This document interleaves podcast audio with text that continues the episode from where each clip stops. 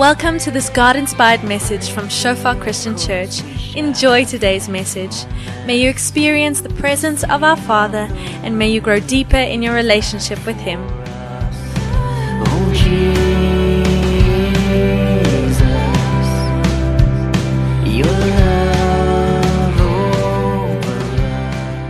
Welkom hier vanoggend julle. Dis 'n voorreg om vanoggend hier te kan wees om dalk net ietsie op te klaar as my vrou sê ons sit vas in die oggende, dan is dit afhangende wanneer die load shedding skedule is dan die hek wil nie oopmaak nie. Sy bedoel nie ons beklei nie, obviously. Weet ek werk vir die kerk, ek's 'n heilige mens, ons doen nie sulke goed nie. Ehm um, soos die res van die mensdom nie. Ehm um, dis die hek. Ehm um, of ek, as sy met my stry is ek nie bewus daarvan nie. Ek is so lekker.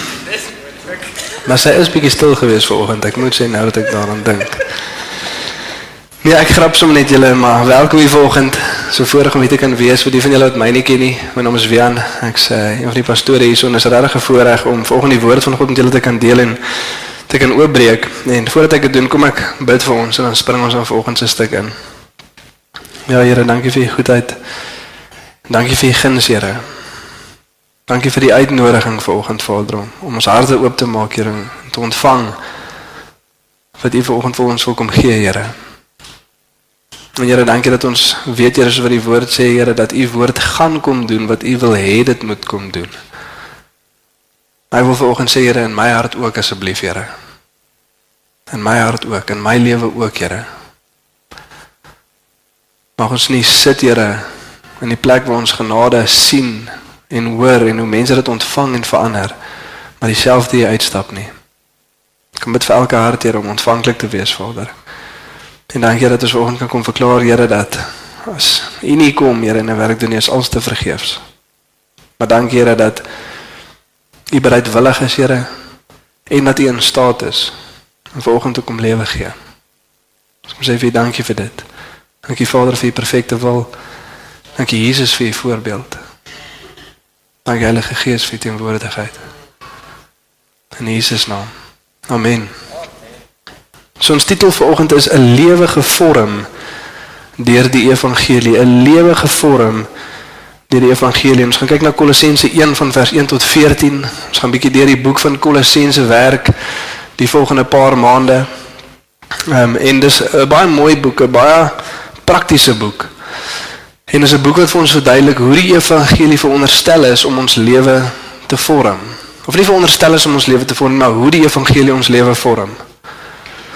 En in die eerste stukkie van die hoofstuk verduidelik ons dit so half 'n siklus van genade en ons gaan nou na dit kyk. Nou 'n siklus van genade werk is God wat deur genade 'n werk begin en solank soos wat ons daar bly, hou dit aan en dit produseer meer en meer en meer en meer van dieselfde ding. Dis amper soos ehm um, genade vir nederigheid. Die skrif sê vir ons in die boek van Jakobus dat hy gee meer genade aan die wat nederig is. En om meer genade te ontvang moes daar eers genade gewees het om mee te begin. En die genade wat daar was om mee te begin is die genade wat ons nederig gemaak het. En omdat God deur genade ons nederig gemaak het, gee hy meer genade vir die wat nederig is. En omdat ons dan meer nederig word, gee hy meer genade. En dis 'n siklus van genade wat net toeneem. En ons sien dit so op dieselfde manier. 'n Ander voorbeeld, 'n siklus van genade in die eerste deel van die boek van Kolossense wat iets in ons lewens produseer. En ek moet nogal sê dis 'n baie konfronterende boek. Die eerste gedeelte dan gebruik dit so al Christelike woorde wat ons ken, maar ons definieer dit nie altyd nie want wanneer ons begin om dit te definieer, dan word ons gekonfronteer met die realiteit van ons eie lewe. Maar is dit eintlik wat in my lewe aangaan? En die boek van Kolossense leer vir ons dat wat ons werklik glo gaan ons lewe vorm. As ons die regte evangelie reg verstaan, dan gaan ons lewe ook reg lyk. 'n Mooi boek wat vir ons dan verduidelik hoe hierdie lewe wat gevorm is deur die evangelie van hoofstuk 3 af. Dit begin self met die fondasie van ons vandag gaan kyk. Dan verduidelik dit vir ons nadat wie Jesus is, wat hy kom doen en dit waarsku teen valse leerstellings en dan in hoofstuk 3 dan begin dit vir ons wys hoe hierdie lewe wat gevorm is veronderstel is om te lyk in vier areas. Hoe die Christen lyk in die kerk, Die gemeenskap van gelowiges, hoe dit lyk as mense regtig die evangelie verstaan en uitleef. Ook by die huis, hoe lyk 'n huwelik? Hoe lyk 'n kind? Hoe lyk 'n pa en 'n ma wat die evangelie verstaan en uitleef? Ook by die werksplek. Vir werkgewers en werknemers. Hoe lyk dit as ons die evangelie verstaan en dan ook die Christen in die wêreld? Hoe is ons veronderstel om te lewe? 'n Mooi prentjie wat dit vir ons uitbeeld. En ons gaan kyk soos ek nou gesê het na die hoofsaaklike kern van dit in vers nommer 1. So kom ons lees deur dit en dan kyk ons wat die evangelie in ons lewe vorm en ook hoe dit in ons lewe gevorm word. Kolossense 1 van vers 1 tot 14. Paulus, apostel van Christus Jesus, deur die wil van God, en die broer Timoteus aan die heiliges in Kolosse, gelowige broers in Christus, genade vir julle en vrede van God ons Vader. Elke keer wanneer ons vir julle bid, dank ons God, die Vader van ons Here Jesus Christus. Dit doen ons want ons het gehoor van julle geloof in Christus Jesus en die liefde wat julle vir al die heiliges het op grond van die hoop wat in die hemel op julle wag. Julle het al hiervan gehoor toe die woord van die waarheid, die evangelie julle bereik het. Soos oral in die wêreld het die evangelie van die dag dat julle van God se genade gehoor en dit werklik verstaan het, ook onder julle begin vrug dra en groei. Dit het julle geleer by Epafras, ons geliefde medewerker, wat ter wille van julle 'n getroue dienskneg van Christus is. Dit was ook hy wat vir ons vertel het van die liefde wat die Gees in julle bewerk het. Daarom dan, van die dag dat ons dit gehoor het, hou ons nie op om vir julle te bid nie. Ons bid dat julle vervul mag word met die volle kennis van God se wil deur al die wysheid en insig wat die Gees gee om 'n lewe te lei wat die Here waardig is en om in alles tevrede te stel terwyl jy 'n vrug dra deur elke goeie werk en groei in die kennis van God en deur die mag van sy heerlikheid al die krag ontvang om geduldig in alles te volhard met blydskap moet julle die Vader dank omdat julle omdat hy julle geskik gemaak het om deel te hê aan die heiliges se erfdeel in die lig God het ons uit die mag van die duisternis gered en verplaas na die koninkryk van sy geliefde seun deur wie ons bevryding die vergifnis van sonde ontvang het. Mooi stuk skrif, kompakte stuk skrif met klomp waarhede daarin waarop ons baie tyd kan spandeer. Maar om na hierdie siklus te kyk en hier op die einde sien ons al 'n opsomming van die evangelie. Vers 13 en 14 Dit sê God het ons uit die mag van die duisternis gered en verplaas na die koninkryk van sy geliefde seun deur wie ons bevryding die vergifnis van sonde ontvang het. En een ding wat ons hier moet besef wat so mooi is van die evangelie is dat hierdie is nie goeie advies nie. Die evangelie is nie Paulus of Epafras of iemand wat na die kerk toe kom en sê hy julle ons het 'n great idee. Ons het nou gehoor van hierdie goedjies wat ons moet doen en as ons regtig volhard in dit en dit regtig volhard toepas in ons lewe, dan gaan ons eendag by God uitkom. Dis goeie advies. Die evangelie is goeie nuus. Dis nuus dat God klaar iets kom doen het wat ons nie hoef toe te pas nie, maar net moet ontvang in geloof en dit sal produseer wat dit veronderstel is om te produseer in ons lewe. Dis nie vier stappe oor hoe mens God kan kry nie, maar is God wat mens kom kry het. Dis God wat te werk kom doen. Dit is goeie nuus. En Paulus sê dat hierdie goeie nuus as ons dit reg verstaan, sal dit iets produseer in ons lewe. Nie dit kan miskien of dit mag dalk of eendag sal dit miskien nie. Maar hierdie goeie nuus as ons dit reg verstaan en werklik glo, dan produseer dit iets in ons lewe. En nie net iets nie, maar soos wat die res van die boek vir ons verduidelik, iets in alle areas van lewe.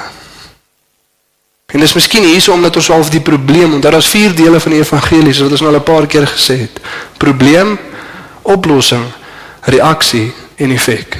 Ons as mens, ons het die probleem. Jesus, deur wie hy is en wat hy gedoen het, is die oplossing. Dis die evangelie. Die Gees kom dan en doen 'n werk in ons sodat ons kan reageer. Iets moet gebeur, iets moet verander, iets moet belyn met wat ons nou net gesien en gehoor het. Die Gees kom produseer dit in ons, 'n reaksie. En dit produseer 'n effek in ons lewe. Die effek is weer die Vader se wil sodat ons lyk en ryk en klink. Soos wat God die Vader weer wil hê ons moet probleem, oplossing, reaksie en effek in al vier areas moet ons reg verstaan.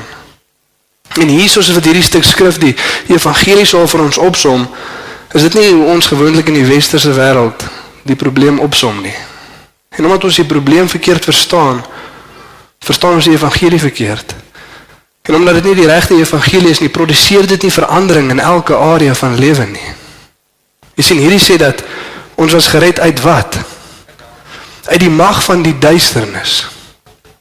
Die Engels sê the domain of darkness. Efesiërs 2 van vers 1 tot 3 sien ons dieselfde. Ons was dood in sonde, beheer van die prins van die magte in die lig, die gees wat nou in die werk is in die seuns van ongehoorsaamheid van wie ons vroeër almal ook gelewe het. Dis die duiwel en was bestem vir God se straf. Beheer deur die duiwel. Ons was deel van die koninkryk van duisternis. Ons was in die mag van die bose. Dis nou so half na die westerse wêreld se evangelie kyk en sê God het gekom om ons te red. Ons sê nie daai eerste deel nie, nie vanuit iets nie, net in iets in.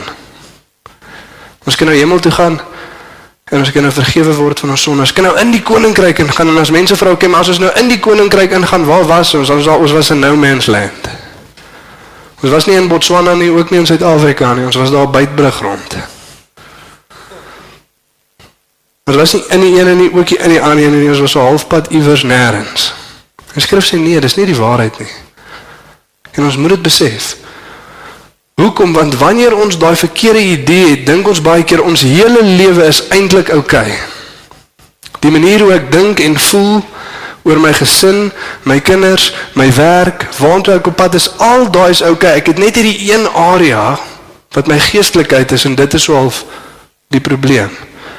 En Jesus het gekom om net daai een area te kom regmaak. En skrif sê nee, dis nie die waarheid nie.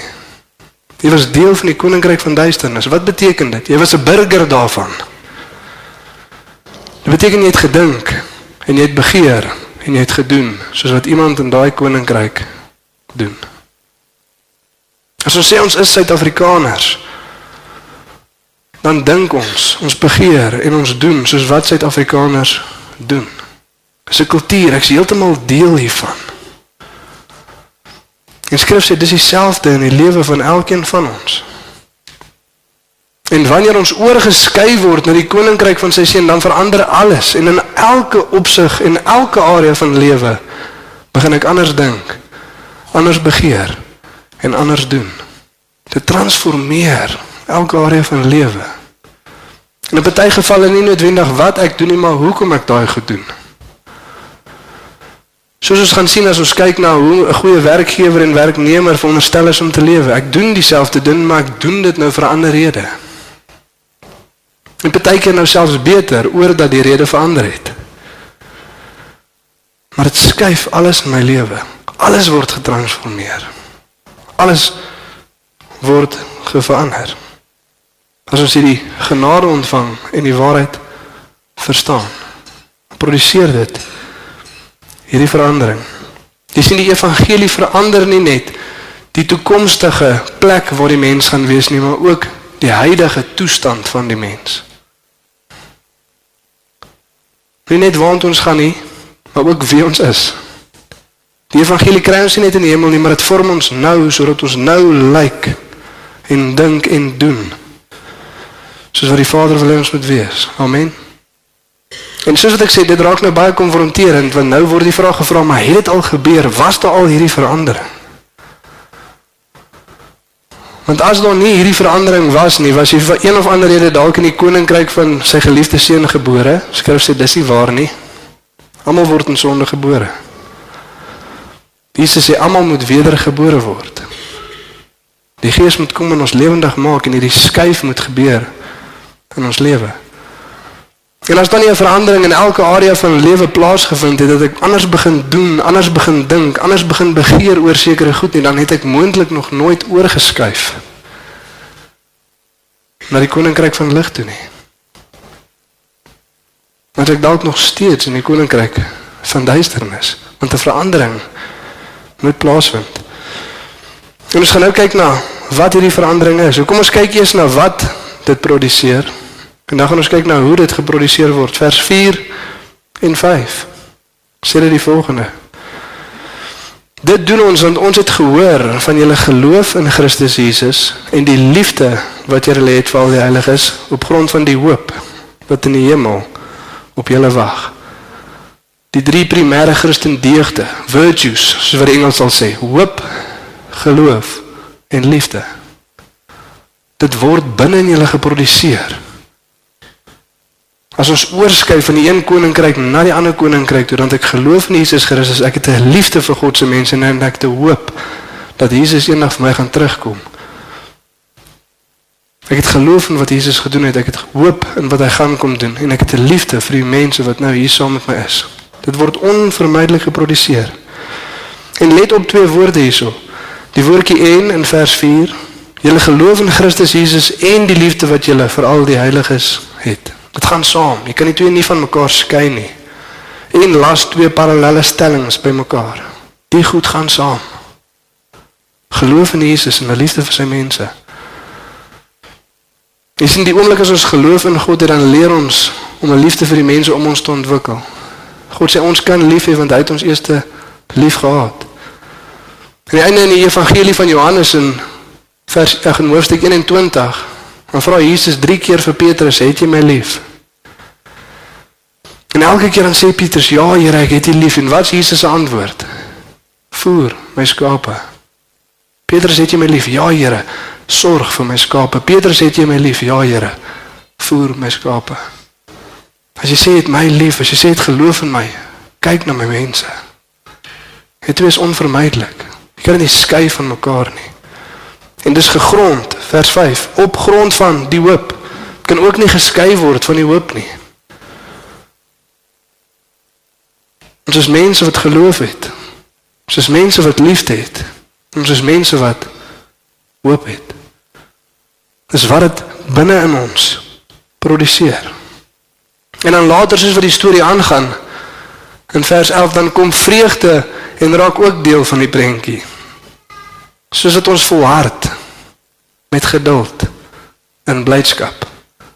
Skrif praat van hy vreugde, joy, die Engelse woord. So nou om ons die vraag te vra, as ons na ons eie lewe moet kyk, as ons die mense om ons moet vra om ons te definieer, staan ons bekend as mense vol geloof, vol liefde, vol hoop en vol blydskap. Is dit waar van jou lewe? Is ons mense vol geloof, vol liefde, vol hoop en vol vreugde. Ek is amper half gedink, miskien moet ek prentjies op die bord sit van van gesigte. En dan moet ons nou kyk wat se gesig lyk hoopvol en wat se gesig nie. En ek dink ons sal nogal duidelik die verskil kan sien.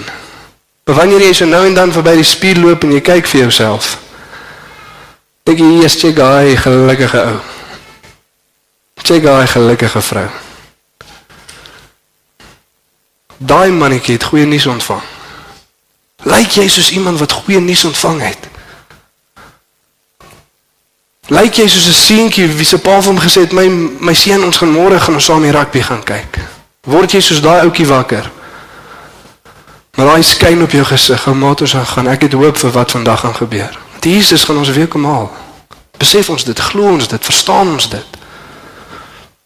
Ons is geskuif uit die koninkryk van duisternis uit. Ons is nie beheer deur dit wat ons probeer doodmaak en steel nie.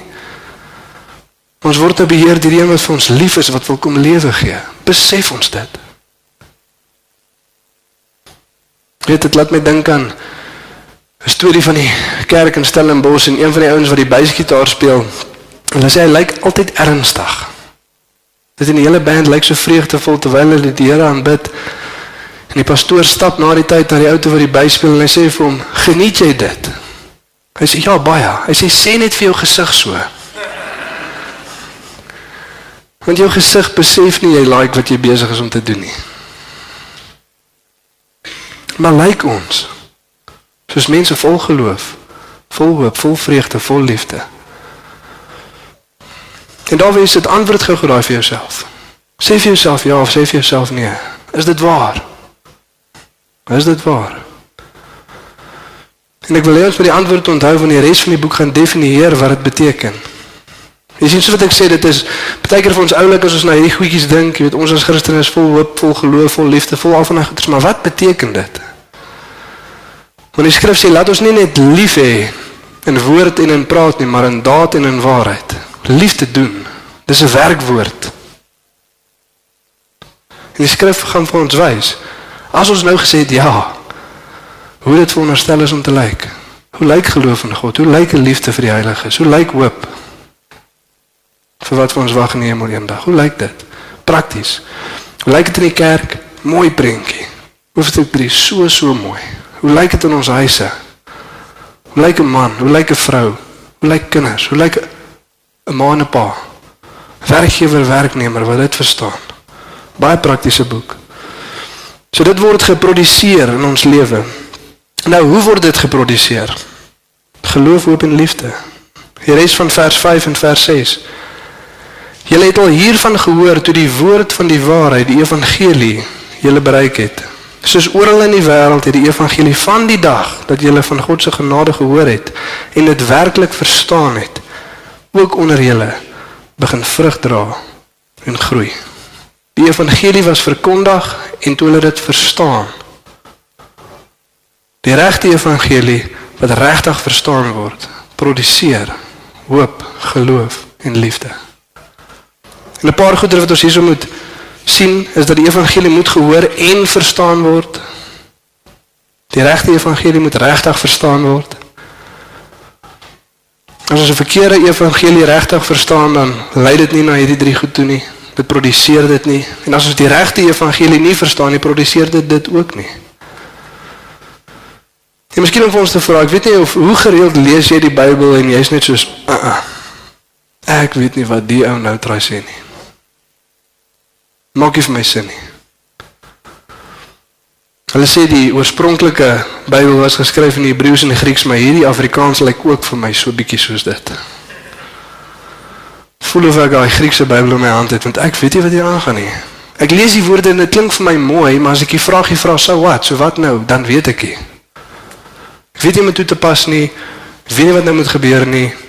Dit klink vir my baie mooi, maar ek verstaan nie wat hier aangaan nie. Beleef jy dit gereeld? Gaan dan produseer dit nie. En mense praat van hierdie stuk skrif en ons moet so lewe en ek gaan kyk en nou maar niks gebeur nie. Ek ek ek verstaan nie lekker wat hier aangaan nie. Hoekom nie? Ons gaan dit nou antwoord. Oor 'n rukkie. Tweede ding wat ons moet oplet, die evangelie moet gehoor en verstaan word. Nommer 1, nommer 2, dat wanneer ons die evangelie hoor en verstaan, vorm dit dadelik ons lewens. Dadelik. Op die oomblik wat ons die evangelie hoor en verstaan, vorm dit dadelik ons lewe. Dadelik. Dis nie wag nie, daar's nie 'n delay nie. Is nie perfek nie. Maar is onmiddellik. 'n Groot ding wat gebeur. Die skrif noem dit mense wat weer lewendig word. Dis die een pastoor sê, ek dink dooie mense weet wanneer hulle lewendig word. As al vir Jesusie iets het nou gebeur. Ek het ander begeertes, my hart voel weer soos wat dit moet voel. Ek begeer weer wat ek moet begeer. Ek het weer lus om te doen wat ek veronderstel is om te doen, maar iets het nou verander. Is nie perfek nie, maar 'n verandering. As jy net sê hierso van die dag dat jy van God se genade gehoor het en dit werklik verstaan het, ook onder julle het dit begin vrug dra en groei van die dag af. Die engel sê it, it bore fruit and it increased since the day that you believed and heard the gospel of truth. Van daai dag af. En derdens, soos wat dit onmiddellik begin vrug dra, so is dit iets wat aanhoudend vrug dra. Van die dag dat jy God se genade gehoor het en dit werklik verstaan het, onder jy dit begin vrug dra en groei. Dit het begin en dit gaan aanhou. Die Engels sê bearing fruit and increasing, it's in the continuous tense. Dit is iets wat aanhou. Dit gebeur onmiddellik en dit hou aan. Dis 'n siklus van genade. Dit hou aan vrug dra, dit hou aan groei. En kyk wat sê Paulus hierso, dit gebeur oral so, soos oral in die wêreld. Soos oral in die wêreld het die evangelie die volgende by julle gedoen. Oral in die wêreld, die oomblik as mense dit hoor en verstaan, begin dit vrug dra en dit hou aan vrug dra. Oral in die wêreld werk dit so. Nêrens gaan dit anders werk nie. Dis nie geestelike load shedding by jou en jy moet wag vir so 'n paar ure voordat die krag weer aankom nie. As dit nie dadelik gebeur en aanhoudend gebeur nie, is ietsie nie lekker nie. Dis hoe dit werk. Soos oral in die wêreld. En nou weer eens om vir ons die vraag te vra by onmiddellike en aanhoudende groei waarvan vers 6 praat, is dit waar vir ons lewens? Was daar 'n dag wat jy besef het 'n dooie mens het nou lewendig geword? En en ook om net die verwarring te weg te vat so bietjie. So baie van die charismatiese kerke het so half 'n idee dat iewers was jy by 'n diens of 'n ding en jy het 'n vorm ingevul wat sê ek gee my lewe vir Jesus op hierdie dag hierdie datum en jy het albei geteken en nou kyk jy so af terug na die prentjie toe. Of iewers was daar 'n kerkdiens en die pastoor het gesê steek jou hand in die lug en jy het jou hand in die lug ingesit en hy het gesê bid agter my en jy het agter hom aangebid. Toe moet dit seker gebeur het. Nou eerstens as daar dan niks gebeur het nie, as dit hoe mense lewendig geword het nie, het jy net agter ou aangebid. Of jy het net jou naam op 'n kaartjie geskryf, sien dit werk nie. En vir baie van ons, jy hoef nie jou hand in die lug op te gesteek het nie, jy hoef nie 'n naam op 'n kaartjie te geskryf het nie, maar as die woord van God iewers verkondig was en dit het jou lewe geïmpakteer en daar was 'n verandering, dan is dit wat gebeur het. Het dit al gebeur? Het die woord van God al vrug gedra in jou lewe? Het dit begin vrug dra en is dit besig om aan te hou om vrug te dra? Is dit besig om te gebeur? En nou moet ons onsself so 'n bietjie al die vraag vra want later in die hoofstukke verduidelik dit ook hoe dit lyk. Maar hoe maak ons seker dat dit gebeur? Hoe maak ons seker ons hoor nie net die woord nie, maar ons verstaan dit ook? Jy weet en baie keer het ons die miskonsepsie dat dit gaan oor die persoon wat die woord bedien. En ja, God het sekere gawes vir die kerk gegee en ja, sekere mense kan dit 'n bietjie beter en 'n bietjie makliker en 'n bietjie meer prakties doen as ander. Maar dis nie hoofsaaklik wat hierdie skrif van ons besig is om te sê nie. En intendeel wat so mooi is van hierdie stuk skrif is dit was nie 'n apostel wat die boodskap aan die Kolossense kerk oorgedra het nie. Dit was Epaphras. Een van die mense wat ook in die dorp was en hy was iewers in Efesiërs gewees terwyl Paulus hulle die kerk daar geplant het en terwyl hulle die woord daar verkondig het, het hy daar gered geraak. Die evangelie daar in hom begin vrug dra en begin groei en hy het teruggegaan na sy huisdorpie toe en hy daardie woord van God aan hulle verkondig en dit het dieselfde gedoen. Dit gaan nie noodwendig oor wie die woord verkondig nie. Sien ons sê in Kolossense 1:7, dit het julle geleer by Epaphras, ons geliefde medewerker wat ter wille van julle 'n getroue dienskneg van Christus is. Julle het by hom geleer, maar hoekom het julle dit ook verstaan? Dit sê hy was 'n getroue dienskneg van Christus. En die rede hoekom ek glo die skrifskrywer is 'n getroue dienskneg van Christus want hy het die ware woord. Hy was getrou aan die woord van God. Hy het die regte evangelie aan die mense geverkondig. Maar hy was nog steeds afhanklik van die Gees om die openbaring te bring. Epaphras het besef ons deel inligting, maar God moet kom openbaring gee. Hoekom sê ek so want ons lees dit in hoofstuk 4. Kyk hoe mooi is dit. Kolossense 4 vers 12. Epaphras, een van julle, 'n dienskneg van Christus Jesus, stuur vir julle groete. Hy worstel voortdurend vir julle in sy gebede dat julle volkome en met volle oortuiging staande mag bly in alles wat God wil. Hoe mooi is daai. Selfverpleiers. Let op hierdie vers. Te dink dat die persoon wat Woensdag elke keer vir myself aanbied en die woord van God met my deel is konstant besig om te stoei in gebed vir my sodat ek volkome en met oortuiging kan staan in die wil van God. Is dit nie mooi nie? Epaphras het besef dat ek deel inligting, maar God moet kom openbaring gee. Ons deel dalk die woord van God met mense, maar God moet kom lewe gee. Dis iets wat die Gees kom doen. Partykeer lees ons ons Bybels, maar ons nooit die Gees in en dis hoekom ons nie verstaan wat aan gaan nie. Dis partykeer hoekom ons moeite met evangelisme om uit te gaan en die woord van God te verkondig. So min vrug dra. Want in ons westerse wêreld dink ons wat? Ons is afhanklik van wat? Ons vertrou op wat? Ons vermoë om te redeneer. Jesus gaan vir daai ou by die werk nou mooi verduidelik hoekom hy verkeerd is. En nie net doen jy dit in liefde nie, maar daar's geen afhanklikheid vir die Gees nie. Om konstant vir daai persoon te bid, om konstant vir daai persoon in jou familie te bid en te sê Here, berei hulle harte voor en gee my die woorde wat ek moet spreek. En dan nadat jy die woorde gaan deel, dan bid jy weer en sê Here, maak nat. Asseblief laat dit groei. Ek is afhanklik van die een wat kan red. Ek doen Here wat U vir my gegee het om te doen, maar ek vra vir U om te kom red, Here. U is die enigste een wat kan. Ons 'n mooi hymnal wat geskryf is in die 1800s. Brethren, we have met to worship. En die liedjie begin dan sê dit Brethren, we have met to worship to adore the Lord our God. Dan sê dit Brothers, will you pray with all your power while we try to preach the word? Because all is vain unless the spirit of the Holy One comes down. Alles is te vergeefs. As die Gees nie kom in openbaring bring nie. Broers bid met al julle krag terwyl ons die woord van God bedien, want as die Gees nie kom lewe gee nie, is alles te vergeefs. Later dan skryf die skrywer van die liedjie dan sê dit sisters, won't you come and help us? Moses sister aided him. Won't you help the trembling mourners who are struggling hard with sin? En wat sê ons vir die mense wat hard met sonde sukkel? Tell them about the savior. Tell them that he will be found. Jy sê nie vir hulle hulle moet harder probeer nie. Jy sê vir hulle Jesus sal gevind word. En dan sê dit sisters pray and holy manna will be showered all around. Verkondig die woord van Christus en bid. Broers, bid soos wat ons die woord van God verkondig. Want die Gees moet kom lewe gee. En dan sê Paulus presies dieselfde ding. Hulle doen dieselfde. Vers 9, net daarna in vers 10. Daarom dan van die dag dat ons dit gehoor het, hou ons nie op om vir julle te bid nie. Ons bid dat julle vervul mag word met die volle kennis van God se wil deur al die wysheid en insig wat die Gees gee. Wie gee die wysheid, wie gee die insig?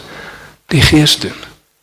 Die Engels sê all spiritual wisdom and understanding. Dis iets wat deur die Gees kom om 'n lewe te lei wat die Here waardig is en om in alles tevrede te stel terwyl jy vrug dra deur elke goeie werk en groei in die kennis van God. En hier doen Paulus dieselfde. Hy sê ons stuur die woord van God na julle toe terwyl ons bid dat die Gees dit sal openbaar. Ek sien net getrou in die woord nie, maar ek's ook afhanklik van die Gees. Albei is nodig. Ek stuur die woord van God na julle toe, maar ek bid dat die Gees dit in julle sal openbaar. Efesiërs 1:17 lees ons presies dieselfde, dis nie op die bord nie, maar ek kan daarna gaan lees. As ons gaan kyk wat Paulus en die apostels bid vir die kerk, dan is dit dit. Is nie vir welvaart nie, is nie vir finansiële voorsiening nie, is nie vir gesondheid noodwendig nie, dis sodat jy die wil van God mag ken. Efesiërs 1:17 sodat jy die oë van jou harte oopgemaak en hê sodat jy die wil van God kan verstaan. Hoofstuk 3 van vers 14 tot 20 ook in die boek van Efesiërs. Vir hierdie rede buig ek my knie voor die Vader sê Paulus, sodat hy deur sy krag julle sterker maak in julle innerlike mens deur die Gees sodat Jesus deur geloof in julle harte kan woon, dat julle gegrond en gewortel is in die liefde, saam met die gelowiges die krag kan hê om die liefde van God te begryp, sodat julle gevul mag wees met die volheid van God. Dat julle God kan verstaan, dat julle verstaan wie hy is, wat hy kom doen het en wat hy van ons verwag. In 2 Tessalonisense 11 vers 11 presies dieselfde. Dat jy sy wil mag ken. In 1 Korintiërs 2 van vers 9 gaan lees ons 'n stuk skrif wat baie keer uit konteks uitgebruik word. Dit sê geen oog het gesien, geen oor het gehoor die wonderlike dinge wat God beplan vir die wat hom liefhet nie. En dan sê die mense ons gaan eers eendag in die hemel uitvind. Nee, wat sê vers 10? Hierdie dinge het God deur die Gees in ons klaar geopenbaar. Die Gees deursoek alles, selfs die diep dinge van God. Niemand ken die gedagtes van 'n mens behalwe die Gees van die mens. So ken niemand die gedagtes van God behalwe die Gees van God nie. Ons het nie die Gees van hierdie wêreld ontvang nie, maar die Gees van God dat ons vrylik die dinge van God kan ken. En die woorde wat ons vir julle openbaar, openbaar ons nie in menslike wysheid nie, maar in geestelike wysheid. Want hulle is geestelik geonderskei. Die natuurlike mens ontvang dit nie, want hy verstaan dit nie, want dit is geestelik geonderskei. Ons het die gees van God ontvang dat ons vrylik die dinge van God kan ken. Jesus sê vir sy disippels, dis beter vir julle dat ek weggaan want as ek nie weggaan nie, gaan die helper nie kom nie. Allos parakletos in die Grieks nog 'n helper, 'n ander een net soos ek sê Jesus wat julle gaan kom help. En God sê julle kort help en dan sê ons nee dankie. Ons sal self ondersoek. En dan lees ons die skrif en ons verstaan nie wat dit sê nie en wat doen ons eers? Ons gaan kyk 'n YouTube video of ons bel 'n vriend. Die gemeenskap van gelowiges is ook daar, maar kom ons probeer eers bid. Kom ons probeer eers bid. Sy Heilige Gees, U is my gegee sodat ek vrylik die dinge van God mag ken. Help my sodat ek kan verstaan wat hier staan. Sodat ek dit kan toepas in my lewe. Sê Spurgeon het hom gevra, "Wat is die belangrikste? Om Bybel te lees of om te bid?" Toe sê hy vir hulle, "Wat is die belangrikste? Om in te asem of om uit te asem?" Sê die een sonder die ander een probeer gaan jy doodgaan. Altwee is belangrik. Toegewyn gebed, getrou tot die woord. Sodat ons die woord van God kan onderstaan kan, kan verstaan. En nie van so vir Johannesburg. Hy noem dit die discipleship sweet spot. Waar groei Christene? Dis wanneer die mense van God vol van die gees van God saamkom onder die woord van God. Dis wanneer ons groei. Wanneer die mense van God vol van die gees van God sit onder die woord van God, dan groei ons. Maar is nodig die gemeenskap van gelowiges die wysheid en insig van die Gees en die woord van God sodat kan kan wees wat ons veronderstel is om te wees. En dan weer eens produseer dit dieselfde. Vers 10 om 'n lewe te lewe. Soos bid dat jy vervul mag word met die volle kennis van God se wil. Wat beteken dit? Dit beteken dat jy geestelike wysheid en insig het. En as jy dit het, dan gebeur die volgende om 'n vir hierdie rede. So die skrif sê, for this reason so that om 'n lewe te lei wat die Here waardig is en om in alles tevrede stel terwyl jy vrug dra deur elke goeie werk en groei in die kennis van God. Dis herhaling van wat vroeër gesê was. Die evangelie produseer geloof, dit produseer liefde, dit produseer hoop. Hierso sien ons dat die kennis van God produseer 'n lewe waardig sodat ons hom tevrede stel. Sê Here, hoe stel ons dit tevrede? Wat kan ons doen? As die mense na Jesus toe gegaan het en hy sê wat is die belangrikste gebod? Wat het Jesus gesê? Om die Here jou God lief te hê met alles in jou en jou naaste soos jouself. Liefde vir die heiliges. Dis hoe ons God tevrede stel. Deur geloof, deur liefde, deur hoop. En hier begin dit bietjie gedefinieer word. Wat is geloof, hoop en liefde? Wat produseer dit? Produseer goeie werke wat God tevrede stel. En hulle doen dit in elke area van lewe en later in die boek gaan dit verduidelik hoe lyk dit in daai ander areas van lewe. Maar dit is ook so of snaaks en ook belangrik om net hier te besef dis nie wat veroorsaak dat ons gered word nie, maar dis wat ons redding veroorsaak. Dis nie wat ons doen sodat ons gered kan word nie, maar dis wat 'n persoon doen wat gered is. Ons doen nie klomp goeie goed sodat God tevrede met ons kan wees nie, maar omdat ons die goeie nuus ontvang dat deur Jesus Christus ons vergewe is, dan produseer dit dit in ons lewe, die onvermydelike uitvloei van die evangelie verstaan en ontvang. Maar dan interessant dit eindig dan en sê en groei in die kennis van God. Sou snaaks. Sambrolf wat Paulus sê in maklike woorde opgesom, julle het iets van God verstaan wat iets in julle geproduseer het en nou bid ons dat julle iets van God verstaan sodat dit iets in julle kan produseer sodat julle iets van God kan verstaan. Dis dit al, hè? Ek dog hierdie kennis van God is wat hierdie hele storie begin het in die eerste plek. Hoe werk dit? En dis 'n siklus van genade en wat die Apostels besig is om hierso vir ons te verduidelik is dat daar 'n sekere aspek en eienskap en kennis van God wat jy net gaan kan ervaar soos wat jy gehoorsaam is aan sy woord. En dit produseer daai siklus van genade. Ons het die evangelie gehoor, geontvang, geverstaan. Dit het iets in my geproduseer en soos wat ek in gehoorsaamheid doen wat God vir my sê, geloof in Jesus is gehoorsaamheid. Johannes 3:36 het ons al 'n paar keer gesê, die wat in die seun glo het die ewige lewe, maar die wat nie die seun gehoorsaam nie, sal die lewe nie sien nie.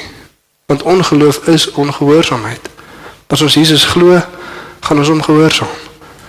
So hierdie geloof, hierdie liefde, hierdie hoop produseer gehoorsaamheid in my lewe. Ek doen wat God van my verwag en omdat ek doen wat hy sê, besef ek wie hy is en omdat ek besef wie hy is, doen ek wat hy sê. En omdat ek doen wat hy sê, besef ek wie hy is. En dis 'n ding wat groei. Om dit vir ons 'n 'n voorbeeld te sê, volgens party van ons volgens het al gehoor God kan ons vang as ons spring. Party van ons volgens weet hy kan want ons het al gespring. Party van ons het gehoor God gaan ons vang as ons spring. En party het gespring en toe het God gevang. Ons het dit besef, ons het gegroei in daai kennis van God soos wat ons daai goeie werk uitgeleef het. Siklus van genade. Sorry, skrywer van ons hier probeer sê, soos wat ons die skrif benader, soos wat die res van die boek van Kolossense en so ook elke deel van skrif vir ons gegee word. Moet ons die woord hoor, of dit nou die woord gepreek is of die woord gelees, maak nie saak nie. Maar soos wat ons die woord hoor, moet ons bid. Sodat die Gees kan kom openbaar. En soos wat die Gees openbaar, so toe so pas ons die woord toe.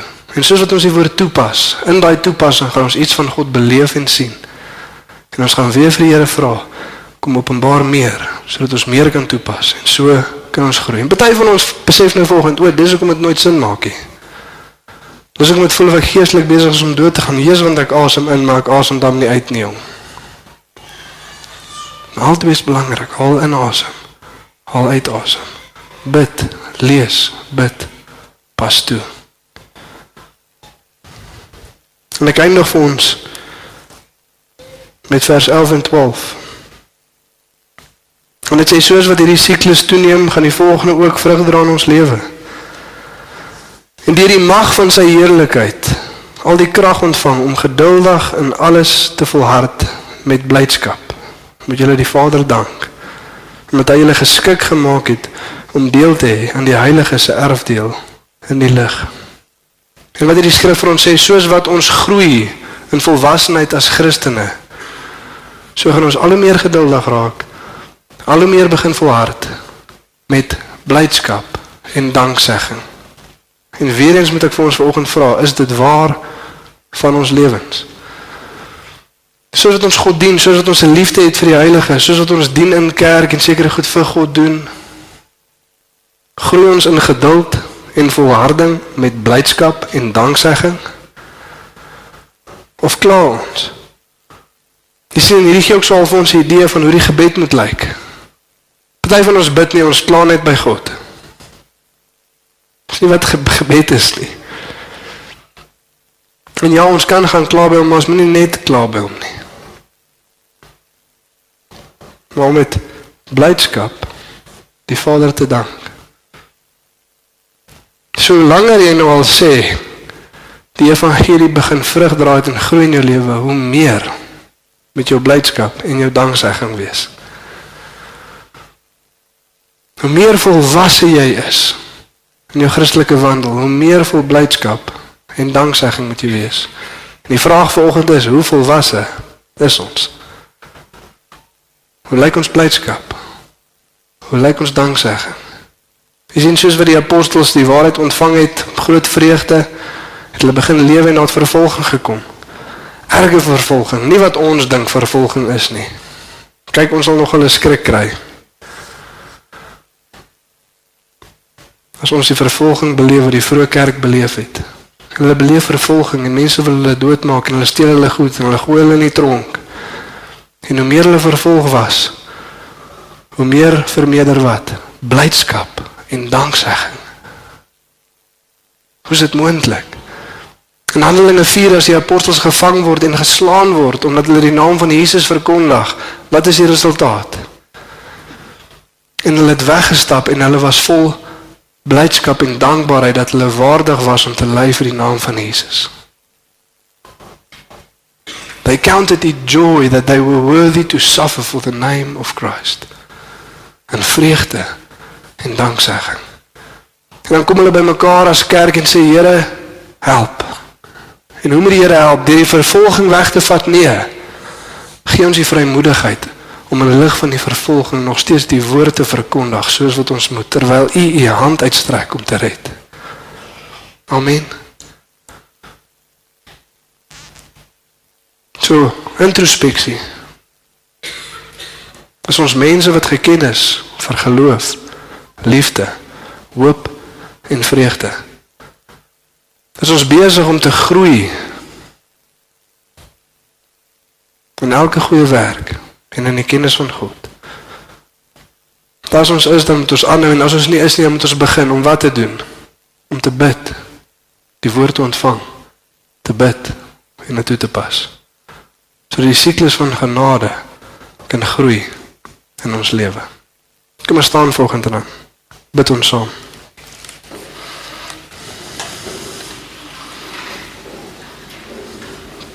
Daar gaan mense ook nou omkom waar die elemente vir die nagmaal gaan uitdeel.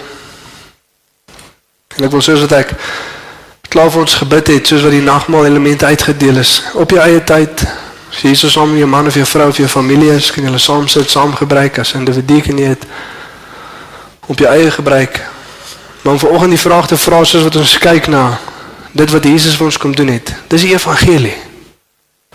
Jesus se liggaam gebreek vir ons, hy het die lewe geleef wat ons veronderstel was om te lewe.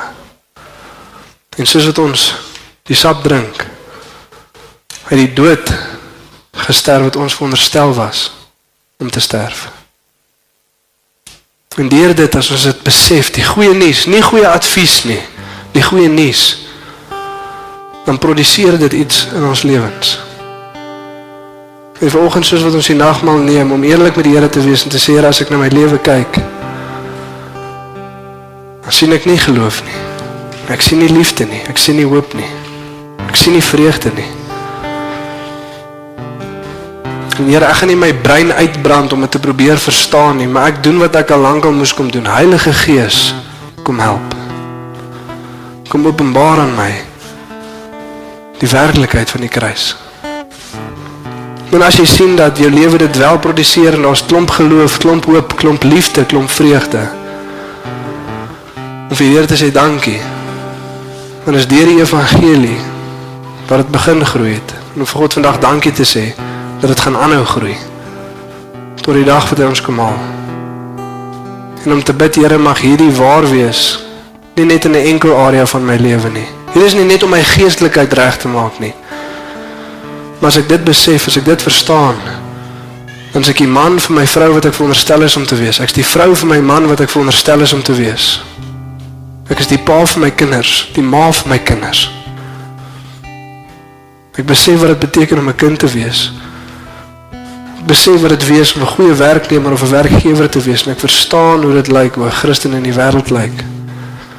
Maar Here, alles van dit ontvang ek vir alles van myself. Ja Here, dankie dat ons vanoggend voor U kan kom, Here. En vir U kom dankie sê, Here. Dankie Here eerstens Vader, nie vir goeie advies nie, Here, maar vir goeie nuus. Die evangelie.